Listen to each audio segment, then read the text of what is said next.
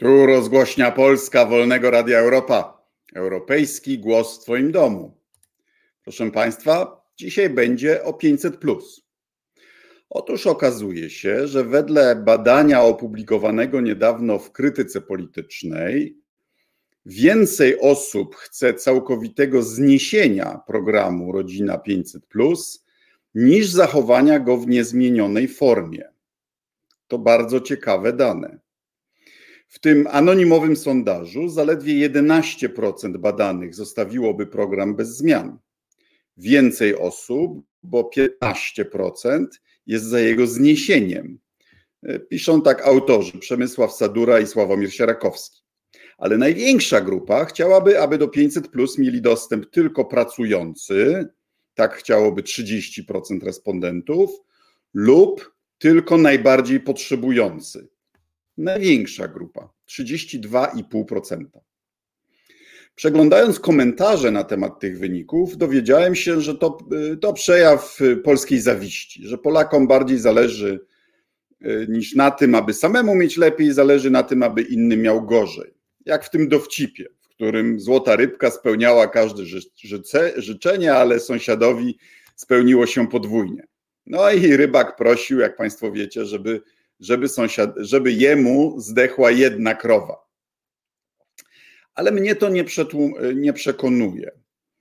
Gdyby y, chęć likwidacji 500 plus była wynikiem zawiści, to ona powinna rozlewać się jakoś uniwersalnie. Człowiek zawistny chce, żeby wszystkim było gorzej, nawet jeśli i on przy tym ucierpi. A więc tacy ankietowani powinni domagać się całkowitego zniesienia 500 plus natychmiast i dla każdego. Tymczasem ponad 60% chce, by program nadal, nadal działał, ale miał pewne ograniczenia. Trafiał do pracujących lub potrzebujących. A skoro ankietowani zwracają uwagę na najbardziej potrzebujących, no to chyba nie można mówić, że Polacy kierują się jakąś zbiorową niechęcią do innych. Owszem, najłatwiej powiedzieć, że ludzie są zawistni, pokręcić głowę, jak to jesteśmy straszni, ale moim zdaniem wyjaśnienie jest bardziej sugestywne i w, w pewnym sensie optymistyczne. Niewykluczone, że za tymi danymi stoi głębsze przekonanie o nieuczciwości systemu. Wielu ankietowanych widzi, że chociaż dostają 500 plus i dla wielu wiemy, to odczuwalna pomoc, to program po prostu nie spełnił szumnych zapowiedzi, jakie mu towarzyszyły. Miał poprawić dzietność, nie poprawił. Miał, miał zmniejszyć nierówności, e, i tutaj y, dane są niejednoznaczne. Jego skutki y, walki, dla walki z ubóstwem. Odsetek osób żyjących w skrajnym ubóstwie spadł jeszcze w 2015 roku, przed wprowadzeniem 500, E, potem nadal spadał, ale w 2018 roku znowu wzrósł. W 2019 e, ponownie spadł.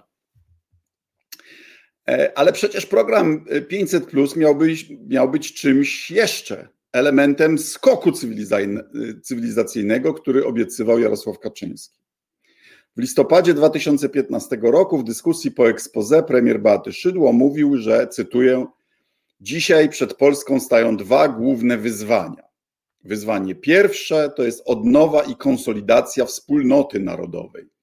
Wyzwanie drugie to skok cywilizacyjny. No, po paru latach możemy ocenić, czy się udało. O odnowie i konsolidacji wspólnoty narodowej nie ma nawet co mówić. Jesteśmy skłóceni jako Polacy bardziej i głębiej niż kiedykolwiek za mojej pamięci, no może od czasów komuny, a zaufanie do rozmaitych instytucji państwa, które przecież jest emanacją wspólnoty narodowej, spada na łeb na szyję. Zaufanie do policji spadło w ciągu 4 lat, 4 lat o 25%.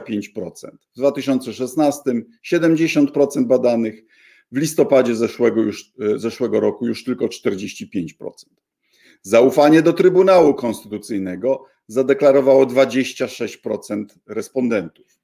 Kościół spadek zaufania z 58% w 2016 roku do 40% 4 lata później. Na 3 pierwszych miejscach w rankingu zaufania znalazły się obok wojska dwie instytucje międzynarodowe, zagraniczne NATO i Unia Europejska. Ostatnio Cebos podał, że dobrą opinię o telewizji publicznej ma dziś 40% ankietowanych, a złą 44%.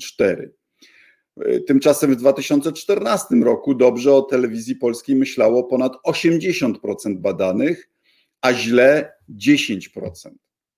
Tak to zjednoczona prawica odbudowała nam wspólnotę narodową.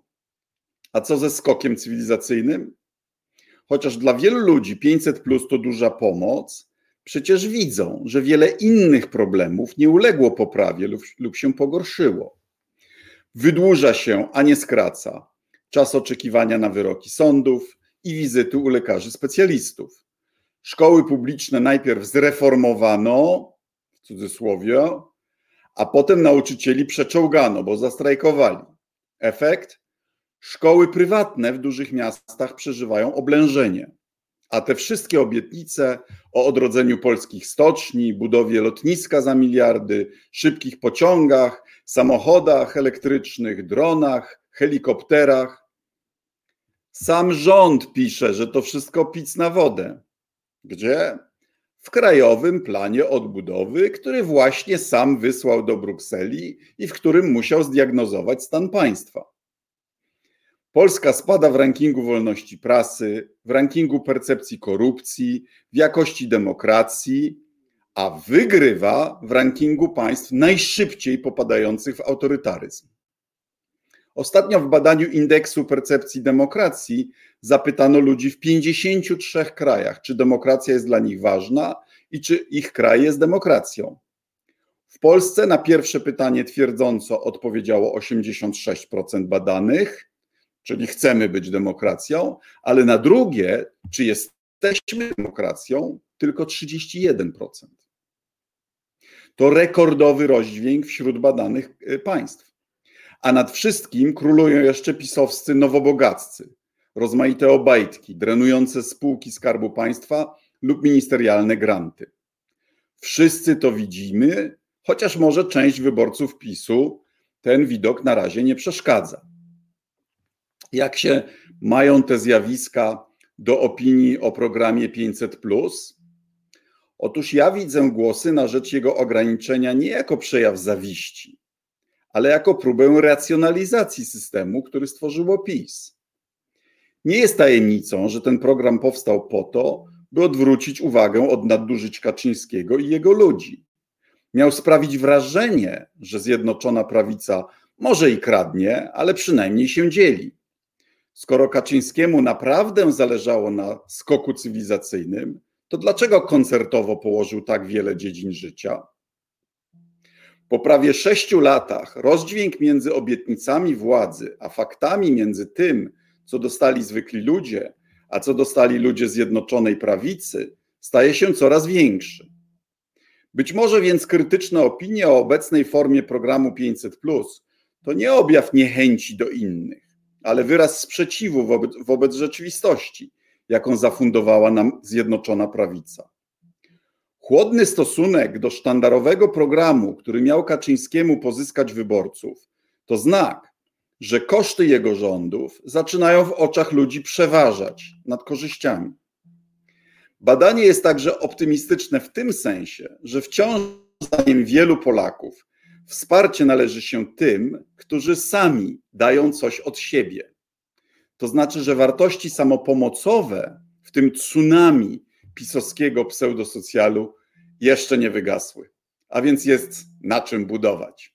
I tym optymistycznym akcentem dziękuję i zapraszam na kolejny odcinek za jakiś czas.